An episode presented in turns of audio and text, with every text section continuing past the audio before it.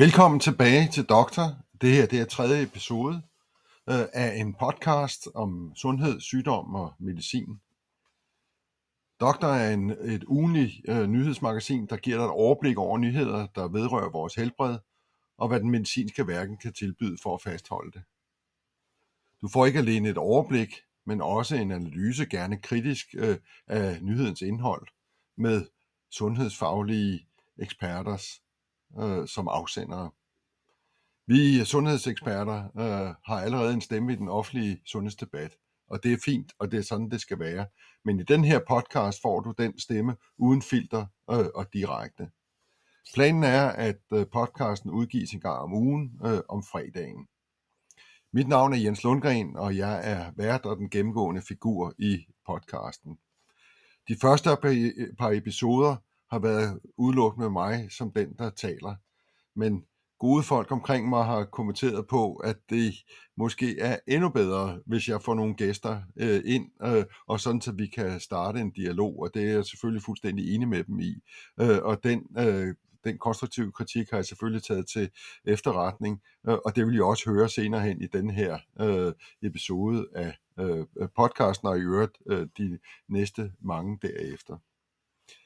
Til slut, som introduktion, vil jeg bare sige, at øh, der har været meget diskussion omkring, øh, specielt nogle af de indlæg, som jeg har haft omkring øh, kavlingprisen og omkring øh, øh, helbredet, øh, ikke alene for kongehuset, men også for Anders Breinholt og Anders Lund Madsen, noget I kan høre om i, i episode nummer to. Øhm, men det skal sådan set bare ligge en, en stil for, at øh, jeg godt kan øh, gå ind og kommentere på ting, som øh, der har en øh, eller anden form for samfundsrelevans. Øh, i er meget velkommen til at bidrage og øh, komme med input til, øh, hvordan øh, post, hvad, hvad der er for nogle emner, vi skal røre ved i, i podcasten.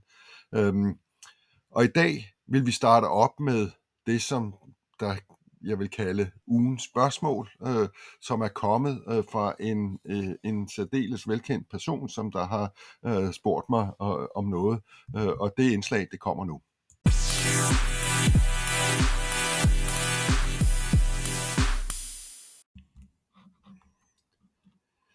Et tema, som vi er meget optaget af her i EMA, er, hvordan man håndterer og imødegår spredningen af misinformation på sundhedsområdet. Tal, grafer, tabeller og p-værdier virker ikke. Hvordan kan vi få ufordrejet budskaber om vacciners effekt og sikkerhed ud med samme gennemslagskraft, som det lykkedes for dem, der spreder misinformationen? Ja, det er det første egentlig velformulerede spørgsmål, som jeg har modtaget den her øh, podcast. Og det er jeg modtaget for en meget, meget betydningsfuld herre inden for øh, lægemiddelregulationsområdet øh, på europæisk niveau, en dansker, som vi faktisk alle sammen skal være meget stolte af. Uh, Steffen Tierstrup, uh, øh, du er Chief Medical Officer i EMA. Det kan være, at du lige kan hjælpe os med at forklare, uh, hvad laver EMA, uh, og hvordan pokker er du endt op hos dem? Ja, tak for det, Jens, og tak fordi du samler mit, uh, mit spørgsmål op her i din podcast-serie.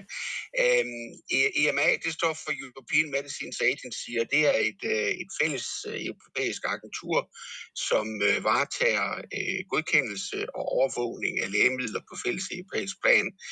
Um, ja, vi er omkring 1000 medarbejdere, de er lokaliseret i Amsterdam i Holland, øh, lå tidligere i London, og jeg tror måske, der er nogle lytter, der kan huske diskussionen om, hvorvidt det agentur kunne komme til København, og der var en, øh, et forsøg på det. Nu endte det så i, øh, i Amsterdam.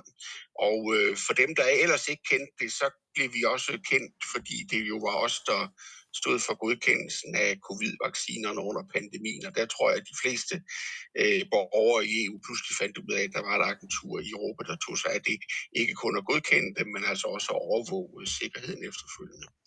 Og jeg er selv havnet hernede som Chief Medical Officer efter en, øh, en lang karriere i, øh, i det danske sundhedsvæsen og de danske myndigheder. Jeg er speciallæge i klinisk farmakologi og har brugt en stor del af min tid på, øh, på lungemedicin og intern medicin. Øh, Øh, brugte 10 øh, år i øh, den danske lægemiddelstyrelse og øh, også været konsulent for medicinalindustrien i næsten 9 år, rådgivet omkring, hvordan man får lægemidler godkendt i Europa. Og så har jeg de seneste to år altså været Chief Medical Officer her i Amsterdam. Og når du beskriver de her tusind mennesker i den her kontorbygning i et industriområde øh, uden for Amsterdam, jeg har været dernede sidste år, øh, så det, øh, og det er en stor bygning, og der er mange mennesker. Men, men forklar lige relationen til de nationale lægemiddelstyrelser. Vi har jo den danske lægemiddelstyrelse for eksempel. Relationen mellem EMA og de nationale øh, myndigheder det er godt, du stiller det spørgsmål, Jens, for det er også vigtigt at understrege. Vi er en del af et netværk, så øh, vi er tusind mennesker her, men vi er i lige så høj grad afhængige af de 27 EU-landes lægemiddelmyndigheder, lægemiddelstyrelser og hvad de nu har hedder i de forskellige lande, og de eksperter, der sidder der. Så vi betjener os i høj grad af et netværk af eksperter, så godkendelsen af eksempelvis covid-vaccinerne, selvom det er hedder det også, der foretog den, så er det faktisk en videnskabelig komité bestykket med eksperter fra alle 27 EU-lande, som varetager den godkendelse.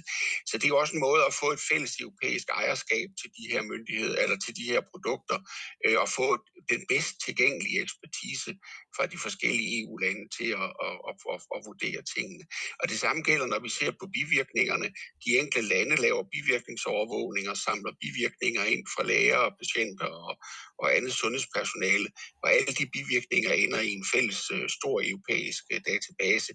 Øhm, og det giver også meget god mening, fordi øh, med al respekt for den danske bivirkningsovervågning, som er god, så er der altså stadigvæk kun øh, knap 6 millioner danskere. Det vil sige, at de meget sjældne bivirkninger vil vi ikke kunne fange i en database baseret på 6 millioner mennesker. Men hvis de pludselig kommer ind i en database, som henter sit øh, baggrund for næsten en halv milliard mennesker, som vi er i EU, så har vi altså mulighed for at finde også meget sjældne øh, signaler. Og, og øh, nu, nu snakker vi om godkendelse af medicin som den ene del, og så bivirkninger som den anden del af jeres sådan fuldstændig centrale missionsområder. Hvis vi lige holder os til godkendelse af medicin, øh, der er mange medlemslande, der øh, i EU. Øh, hvordan er det? Skal man, øh, skal man være enige øh, før? Skal alle være enige? Eller hvordan er det med, med beslutningsprocessen omkring at få et, med, med et produkt, som der ikke er på markedet, at, at det øh, får mulighed for at blive solgt på øh, EU-markedet? Altså det er sådan, at øh, uden vi skal gøre det alt for detaljeret, så findes der nogle få lægemidler, hvor man ikke nødvendigvis behøver at søge en markedsføringstilladelse hos os. Men det, der er det smarte ved den markedsføringstilladelse, man får vi også, det er, at den gælder i alle 27 EU-lande. Øhm, men til dit spørgsmål, så er det en, en flertalsproces. Og det vil sige, at vi i langt øh, høj grad arbejder for konsensus. Og langt de fleste lægemidler bliver godkendt og eller afvist med konsensus fra vores videnskabelige komité. Så alle 27 eksperter øh, vil sige, at det her lægemiddel siger vi god for.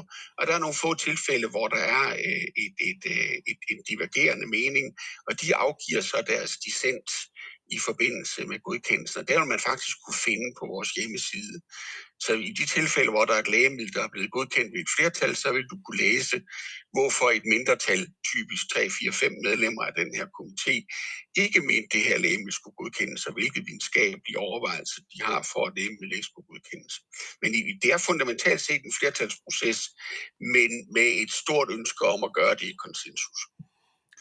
Fordi når det bliver godkendt, undskyld, fordi når det bliver godkendt, så vil lægemidlet kunne sælges i alle 27 EU-lande, også i de lande, som havde sendt medlemmer, der var der måske var negative. Så det er også for at tilgodese, øh, at, at de fleste lande finder et produkt acceptabelt, at vi går efter konsensus. Altså det giver meget mening, og der er også mange processer i EU i øvrigt jo, som der bygger på konsensusbygning, så, så det her det er et eksempel på det. Og så nævner du så de her bivirkninger, og nu skal vi jo snakke om øh, covid-vaccinerne, og hvor jo i en dansk sammenhæng, vi ved, at der var øh, Lægemiddelstyrelsen i Danmark sagde, at der var det, vi kalder en skærpet indberetningspligt omkring øh, bivirkninger, øh, sådan så hvis man mistænkte, at der var en bivirkning, så skulle den indrapporteres på relativt brede kriterier. Men det du beskriver, det er, at de den information, som der så kommer fra Danmark, øh, den bliver ikke alene, ikke alene kigget på af de danske lægemiddelmyndigheder, men der også indgår i en fælles europæisk øh, database, øh, for man på den måde også kan identificere øh, sikkerhedssignaler, som der er relativt sjældne. Og det har der jo været nogle stykker af, kan man sige, omkring covid-vaccinerne, og hvor det var rigtig svært også, øh, altså nu kan jeg huske AstraZeneca-vaccinen, som der gav det her vidt, øh, og jo gjorde, at de danske øh, sundhedsstyrelse stoppede med at bruge den vaccine, at den var lige på nippet til, at den var identificeret, men det var bare fordi, det var en så alvorlig bivirkning, at det ikke krævede særlig mange tilfælde, men der vil være andre bivirkninger, hvor det kan være svært at identificere det her signal, undtagen hvis man har meget store datasæt. Så de bliver altså også samlet nede hos jer, øh, sådan så I kigger også på dem, ud over hvad de øh, nationale myndigheder gør. Ja, det gør vi, og vi har jo så også en komité, der decideret diskuterer de signaler, og også diskuterer, hvilke regulatoriske implikationer sådan nogle signaler skulle have. Altså skal vi i, den, i det alt det mest ultimative, skal vi tage produktet af markedet, så det ikke må sælges længere, eller skal vi, øh, skal vi ændre noget i produktinformationen, hvor vi bringer nogle advarsler eller vejledninger til lægerne om, at de skal være særlig opmærksomme, når, når et lægemiddel bliver givet til en bestemt type patienter, eller med en bestemt dosis og sådan nogle ting. Så det er nogle ting, der, kan, der kommer til lægemiddelinformationen, efter lægemidlet er blevet godkendt.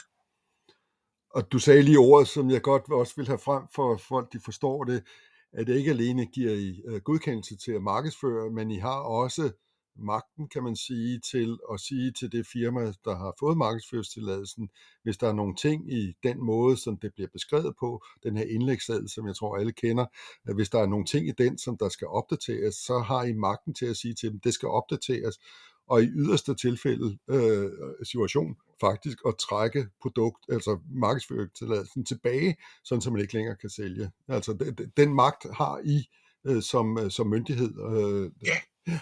Jamen, det er fuldstændig korrekt, og man kan sige, at det, det er både indlægsseddel, som patienterne finder i pakken, og der findes jo en meget mere detaljeret øh, produktbeskrivelse, som er mere rettet mod øh, sundhedsprofessionelle.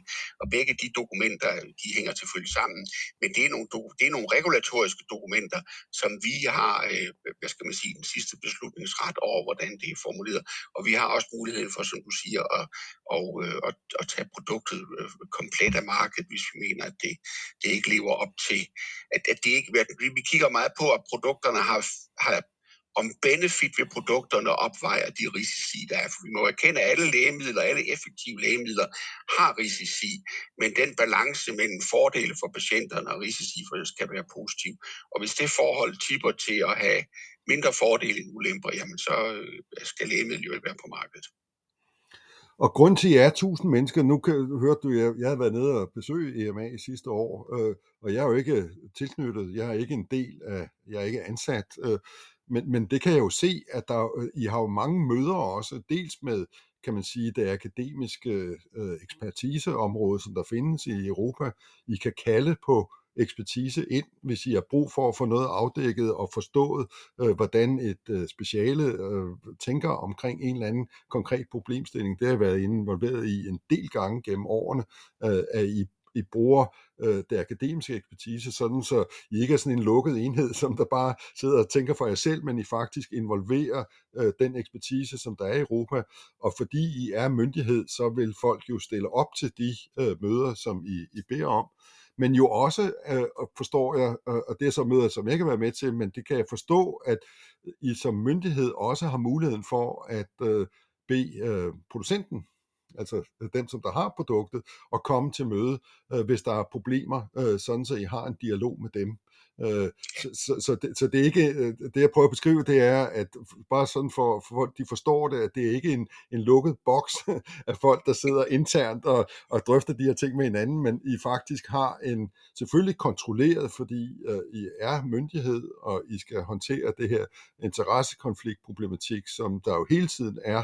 Uh, altså, det er jo klart, at den, som der vil et produkt markedsført, er meget interesseret i at sælge de positive ting, og, og der kan være andre forhold, som der gør, interessekonflikter skal øh, meget grundigt håndteres, men, men det er bare for at anerkende, at I har øh, de her andre facetter også af jeres øh, måde at skabe øh, beslutningsgrundlaget på.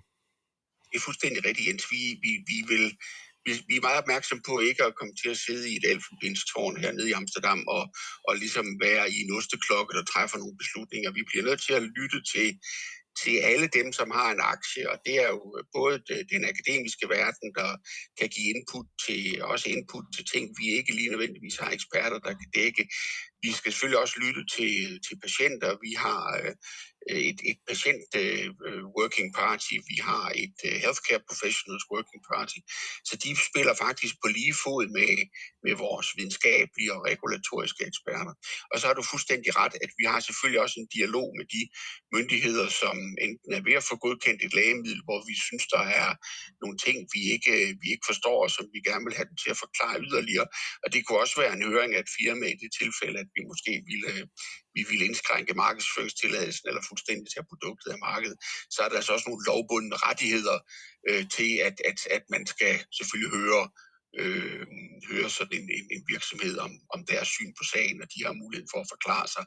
Øh, så det er en meget udadvendt proces, og vi, vi vil utrolig gerne engagere os med, øh, med, med, med, med, med folk, der laver videnskab og, og vi bliver nødt til at have fingeren på pulsen, ellers så træffer vi, så træffer vi beslutninger ud af trit med virkeligheden, og det, det er ikke acceptabelt.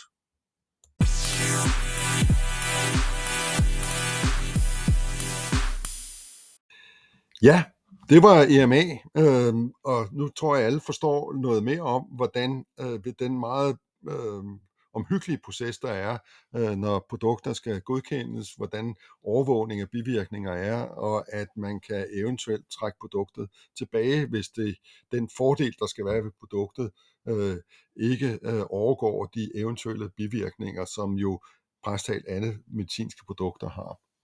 Steffen, du havde spurgt ind til misinformation, og nu har vi snakket om alle de ting, som EMA øh, laver. Øh, Hvorfor er du interesseret i øh, misinformation, eller måske endda er også en snært bekymret over det? Det er jeg jo, fordi øh, den måde, vi ser jo, hvordan lægemidlerne bliver anvendt. Øh, og en ting er selvfølgelig, at, at vi, vi kunne jo bare nøjes med at koncentrere os om, hvordan de blev anvendt, og hvad fordelene og ulemperne var. Øh, men, men, men vi har jo et link ud til det, man kunne kalde folkesundhed, øh, og altså at lægemidlerne, når de er godkendt, også bliver anvendt på den, på den rigtige måde, og til, til benefit for... Øh, for de patienter eller de raske borgere, hvis vi nu snakker vacciner, som skal have det. Og øh, jeg synes, øh, at, at covid øh, har, har givet os nogle, nogle øh, dårlige eksempler, eller nogle nej, ikke dårlige, nogle, øh, nogle negative eksempler på, hvordan misinformation har et, kan have et meget stor indflydelse på øh, befolkningens øh, tilslutning. Ikke kun til covid-vaccinerne, men jo også til andre vacciner. Og nu ser vi jo så ud over Europa, øh, og for den sags skyld også USA, for eksempel manglende tilslutning i England til MFR-vaccinen i en sådan grad, at nu er der altså øh, begyndende øh, mæslingeepidemi i England, øh, som jo ikke er en sygdom, vi har set, og der er sikkert mange læger, der aldrig vil genkende et mæslingetilfælde i Danmark. Man skal være lige så gammel som du og jeg for at have haft mæslinger, Jens, uden at have, altså, Øhm, og, og vi ser, at de franske myndigheder udtrykker bekymring for faldende tilslutning til HPV-vaccinen, øhm, så man måske vil se en opblomstring i antallet af tilfælde af forstadier og aktuelle tilfælde af, øh, af livmoderhalskræft. Så, så min bekymring går lidt på, at det er ikke kun vaccinerne, det er misinformation. Øhm, kan du give nogle konkrete eksempler øh, på, på, på den misinformation? Jeg, jeg, jeg tror godt, jeg, jeg ved det personligt, men det vil være meget godt for mig at høre. Øh, ja, men der, der hvor, kører... Der, ja, ja, altså man kan sige, misinformation, der er jo for eksempel det, som vi, jeg vil kalde skrønen om, at øh, MFR-vaccinen kan give autisme. Jeg ja, mener, det, er en gammel, det, det er et gammelt rygte. Det er, en gammel, det er en gammel rygte, og, ja. det, og, og, det, og det er tilbagevist. Den publikation, som angiveligt skulle vise, det viser sig at være en, en, øh, en forfalsket publikation. Det er Wakefield-publikationen fra 1978 jo, ja. i Lancet. Og den er jo blevet trukket ja. tilbage, den ja. publikation. Ja. Men på trods af det, så lever den der misinformation jo videre. Øhm, der har været øh, diskussion omkring, Øh, sikkerheden ved covid-vaccinerne og specielt mRNA-vaccinerne, altså dem fra Moderna og Pfizer, at der kunne være nogle rest-DNA-produkter fra fremstillingen, og at, at de måske kunne, være, øh, kunne integreres i vores genom og dermed give cancer. Øh, det er baseret på nogle, øh, på nogle øh, lækkede dokumenter, interne dokumenter for os, som er kommet ud i forbindelse med en hackerangreb. Men det er ikke det fuldstændige sæt af dokumenter, så, så informationerne er taget ud af sammenhæng og bliver så blæst op. Øhm, så det er sådan nogle eksempler, som, som jeg synes er skrækindjagende, så kommer der til at køre nogle, nogle fuldstændig fordrejede historier omkring, hvad der, er, hvad der er op og ned omkring de her produkter. Og det laver øh, laver skrækhistorier og får, får folk til at, at tro noget forskelligt. Og, og når jeg ser på det fra myndighedernes side, øh, så synes jeg lidt, at myndighederne, vægten af myndighedernes ord, er ikke myndig længere, hvis du forstår, hvad jeg mener. Det er ligesom, at der er en større tendens til at lytte til de uautoriserede kilder, som udlægger teksten, som de synes er rigtig. Altså lidt det ekokammer, som for eksempel opstår omkring antivaxere. Hvorimod, når du og jeg som, som fagprofessionelle, øh, enten som infektionsmediciner eller som professionelle fra de regulatoriske myndigheder, stiller sig op, så har vi altså ikke samme impact i debatten, som dem med den mere skingre fremstilling af tingene. Og det bekymrer mig.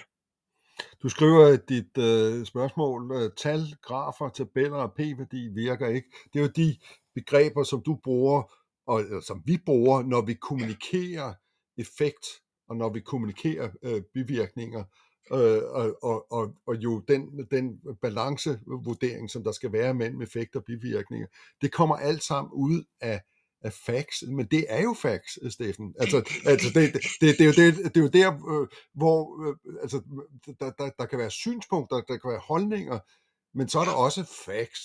Altså, øh, og, og... Men, men pro- problemet er jo, Jens, at, at, at grunden til at skrive det der, det var jo, at det er jo den måde, du og jeg er opdraget på. Vi, vi kommer med vores facts, og vi kommer med vores figurer og tabeller, og, og de kan jo til en vis grad være overbevist. Jeg, du kan jo, du er med garanti huske, og du var måske selv med til pressemødet, da, da sundhedsministeren stod under covid og havde fået lavet de her grønne og, og røde kurver, hvor han ligesom viste, hvordan infektion... Men det var jo, det var jo kogt ned til det aller, aller mest simple.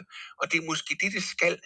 Jeg tror nogle gange, vi ender med i vores videnskabelige baggrund at være og frygte for, at vi klipper nogle detaljer ud.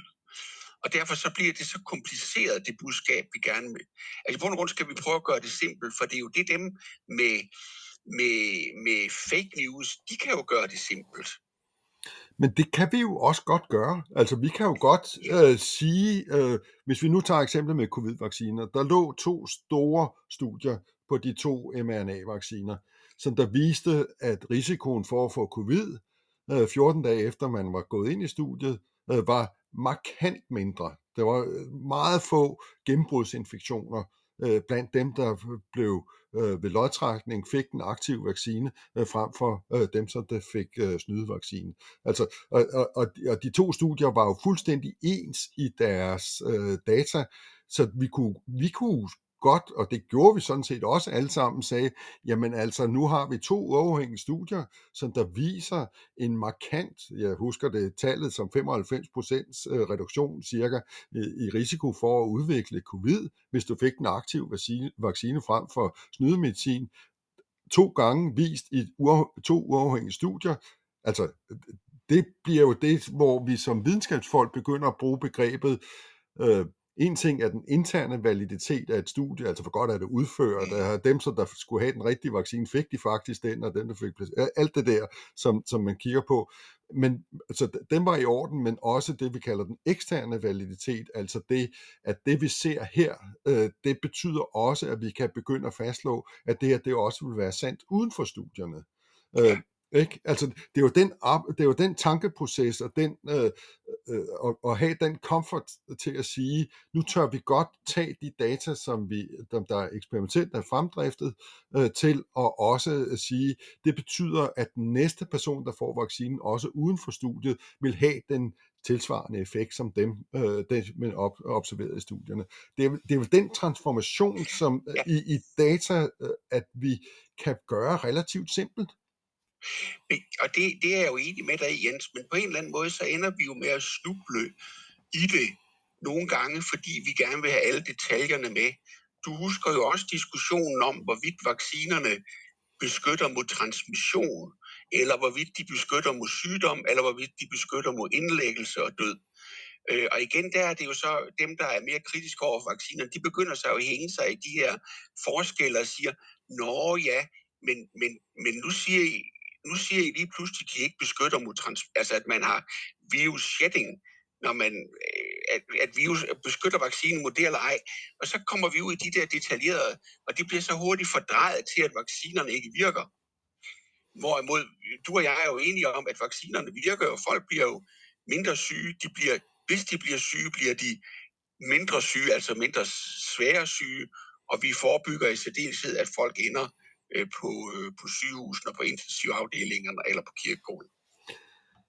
Det her, hvor jeg, fordi det, det, det her, det vi snakker om nu, det er fuldst, i min øjne fuldstændig centralt, fordi der var jo, altså der var det, det data, der blev fremskaffet der i 2020, og som der var grund grundlaget for, at I godkendte vaccinerne øh, i december 2020. Øhm, og som der viste den her markante effekt øh, på at beskytte mod sygdom. De studier var vel ikke øh, designet til, at en sige havde øh, styrke, altså øh, øh, kunne afklare, om vaccinerne beskyttede mod alvorlig sygdom, øh, eller hvad?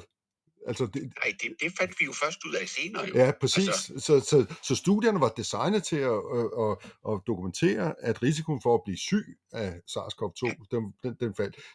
De var, de var ikke designet til at se, om hvis man fik vaccinen, at man smittede mindre. Øh, det var ikke det, der var Nej. formålet. Det, der var formålet, det var, at folk de blev øh, mindre syge, og det blev de utvetydigt som sagt, øh, øh, men, så, men Jens, så det ikke står kom, til at diskussion. men Jens, der kommer vi jo tilbage lige præcis til det, der, der bekymrer mig. Det er jo, at så er der nogen, der gerne vil være kritiske, og det skal folk have lov til at være. Men så bliver den her information om, hvad, hvad var det, studierne egentlig var designet til at vise, så er det, at vi kommer ned i nogle detaljer, hvor vi selvfølgelig i vores kommunikation kommer til at tabe nogen. Og der er dem, der er vaccinekritiske, jo nemmere til at samle det op og sige, jamen der kan I selv se, vaccinerne virker ikke. Altså, så, så det, er, det, det er den udfordring, jeg ser, vi har, når vi skal kommunikere. Det er, at vores modpart forsimpler budskabet, og det bider angiveligt bedre fast. Men lad lad os så tage det eksempel, øh, fordi nu, nu, nu kører vi den helt ned øh, til, til gulvbrædderne her. Forestil dig, og det er fuldstændig kontrafaktisk, så det, det er fint, hvis du ikke vil svare på det, men forestil dig, hvis, hvis det samme studie, de samme to studier, som vi snakker om her, der blev lavet i 2020, som der var afgørende for, at de to øh, vacciner blev godkendt øh, til markedsføring. Hvis, hvis de studier var blevet lavet, øh, da omikron begyndte at cirkulere, øh, øh, men det var den samme vaccine, altså den, den samme indhold af vaccinen, altså hvordan virus den så ud i der i øh, december øh, 20, øh, 2019, øh, og hvor vi jo ved, at omikron, som var en subvariant, øh, først kom til i slutningen af 21, og som jo på flere områder var radikalt anderledes øh, end den oprindelige virus. Tror du så stadigvæk, at vi vil, eller, og det er jo så et retorisk spørgsmål, kan du jo næsten høre, der, der, vil risikoen for at få covid-sygdom, altså det, som øh, de oprindelige studier målte, øh, det vil det signal være mindre tydeligt. Absolut. Og det er jo også noget Og det, hvorfor vil det det, Steffen? Fordi det, det, det er der, hvor jeg tror, en hel del mennesker, de falder af, fordi, øh, er det fordi, at vaccinen holder op med at virke?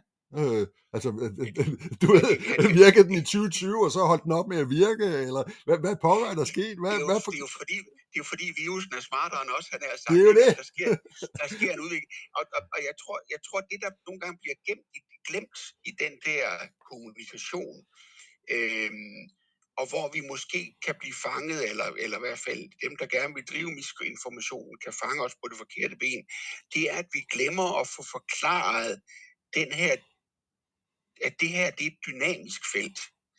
Altså en ting er, hvad vi viste med de originale vacciner med den første stamme. Det her, det er en fjende, som ændrer sig over tid.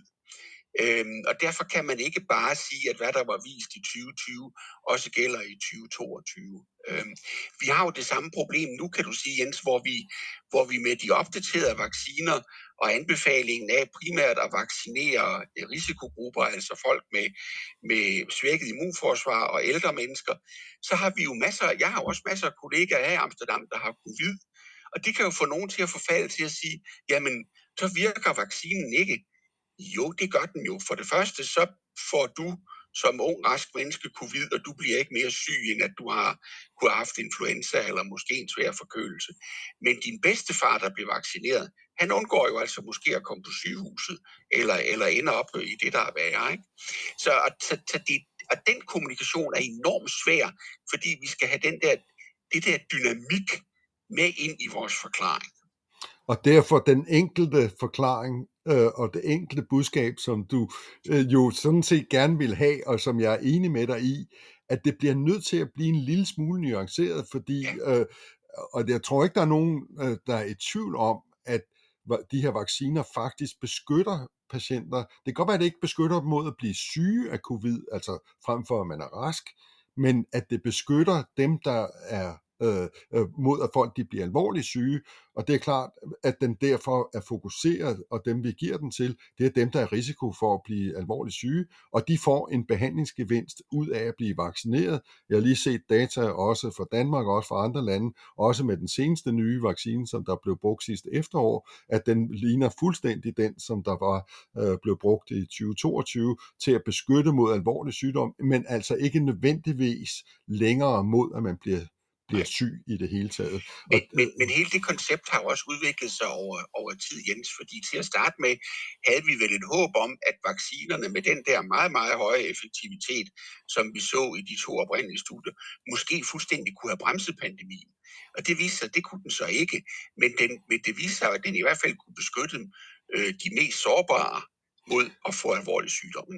Men jeg, fordi jeg, virusen udviklede sig. Ja, ja, lige præcis, fordi jeg vil jo lave den tese, at havde virus været lidt mere stabil, og det ja. i parentes øh, betragtet, det, det er jo ikke en fuldstændig fatamorgana. Hvis man kigger på den her uh, influenza-pandemivirus, der kom i 2009, den har jo været meget, meget uh, træ i at udvikle sig. Så hvis, hvis den her covid-virus, uh, som vi fik uh, og skabte pandemien her, hvis den havde været lidt mere stabil, så ville vi jo have haft en helt anden dynamik i at bruge vaccinerne, fordi så kunne vi faktisk også formentlig bruge dem til at reducere øh, smitsomheden. Men virus har, som du siger, det er et dynamisk felt. Virus har ikke øh, besluttet sig for at være stabil. Den er faktisk enormt ustabil og gør, at vi er udfordret på de her øh, øh smittedæmpende aspekter af vaccinen. Men hvis virusen begynder at slappe af og ikke bliver så dynamisk længere, så vil vaccinerne jo potentielt set kunne gå tilbage og blive brugt til det, som de potentielt set så ud til at kunne tilbage i 2020. Jo. Og det er jo også derfor andre vacciner, HPV og, og mæslinger, som jeg fik nævnt i starten, det, det er jo en meget mere stabil øh, vira, og derfor kan vi jo bruge den samme vaccine år ud og år ind og have en relativt god beskyttelse. Men, men tilbage til mit spørgsmål, Jens. Jeg, jeg synes, vi, vi er ved at nå frem til, at, at vi på vores side har udfordringen, at det budskab, vi gerne vil ud med, er faktisk kompliceret. Og selvom vi prøver at forsimple det og undgå alt for mange teknikaliteter på grafen, så bliver man nødt til at fortælle en, en, en, øh, en lidt mere kompliceret historie end, end dem, der bare vil lave skræmmehistorien, fordi de kan skræmme med historier om ting, der er gået galt og død og ødelæggelse, og også tit bygge på konspiratoriske overvejelser. Det er jeg glad for, at du siger, fordi jeg har heldigvis en gæst til i den her podcast, øh, Mikkel Bang, som der kommer øh, lige om et øjeblik, øh, og som har ekspertise ind i lige præcis at drøfte de her emner her. Steffen, må jeg have lov til at sige tusind tak, fordi du vil stille op. Øh, tak for de spørgsmål, og tak for dialogen og snakken. Øh, og jeg håber på, på et eller andet tidspunkt, at vi kan få en ny drøftelse omkring emner. Det er jo super spændende at høre øh, dig med den baggrund, som du har, og det job, som du har nu, øh, hvordan I tænker som, som myndighed. Og jeg tror på en eller anden måde også, at det er fint og vigtigt, at befolkningen kan følge med i det arbejde, som I laver. Så meget af det ligger jo bag ved nogle tæpper, og det er sådan, for nogen måske opfattet som en snært gedult, men, men, men som der jo faktisk er virkelig, virkelig vigtigt, og noget, som alt andet alt, alle andre beslutningsprocesser efterfølgende, altså læge, øh, Sundhedsstyrelsen i Danmark for eksempel, deres beslutninger bygger jo på det arbejde og de vurderinger og de data, som I kommer frem med. Så keep up the good work, Steffen, og tusind tak, fordi du vil stille op i dag.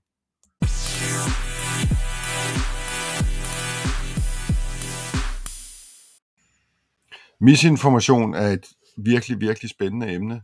Nu har du hørt øh, en vinkling på det, øh, ud fra en myndighedsperson øh, øh, fra det europæiske lægemiddelagentur. Øh, og jeg vil i episode nummer 4 øh, give dig et perspektiv på misinformation øh, for en ekspert, som der faktisk har studeret, øh, hvem er det, der er afsenderen øh, på misinformation, øh, hvor mange er det egentlig talt, vi, er, vi har, der er tale om, og, og med, igen med covid som, som afsæt, og hvem er det, der er modtageren, modtageren? Hvem er det, som de her afsendere egentlig talt har i for øje, når de øh, miskommunikerer?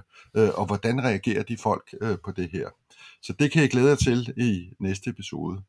Men i den her podcast øh, går vi nu videre med øh, ugens medicinske artikel.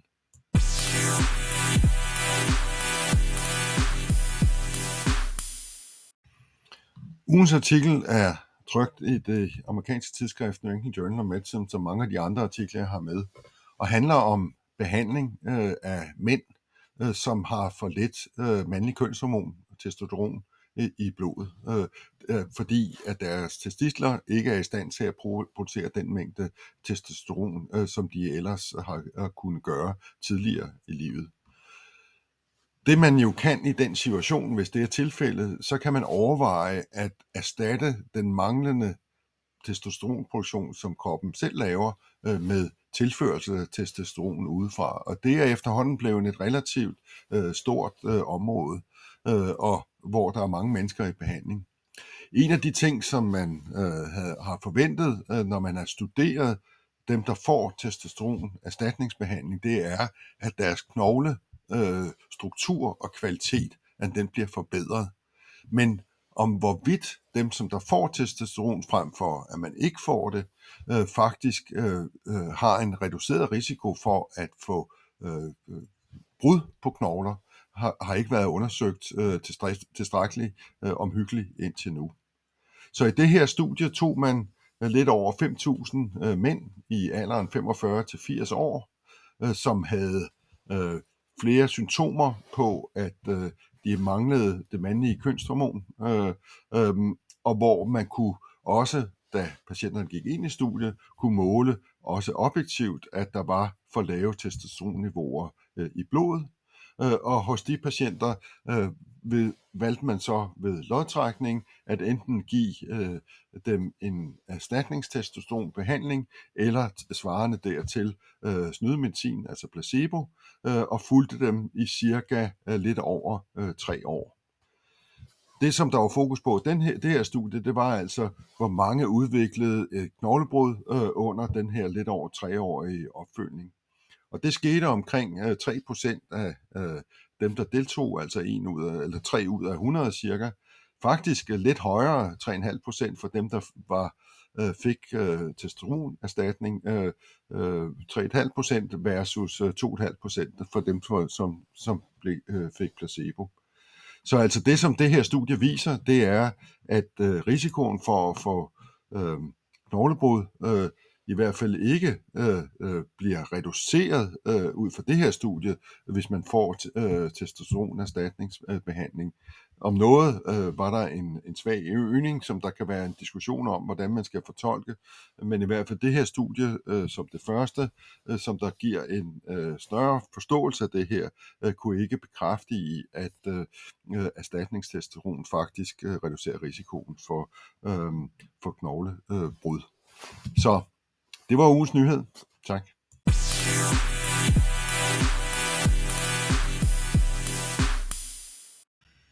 Ja, det var tredje episode af Doktor. Tak fordi I har lyttet med.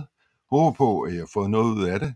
Kommenter, øh, skriv beskeder til mig, øh, og jeg glæder mig til, at øh, vi snakkes ved igen om en uge.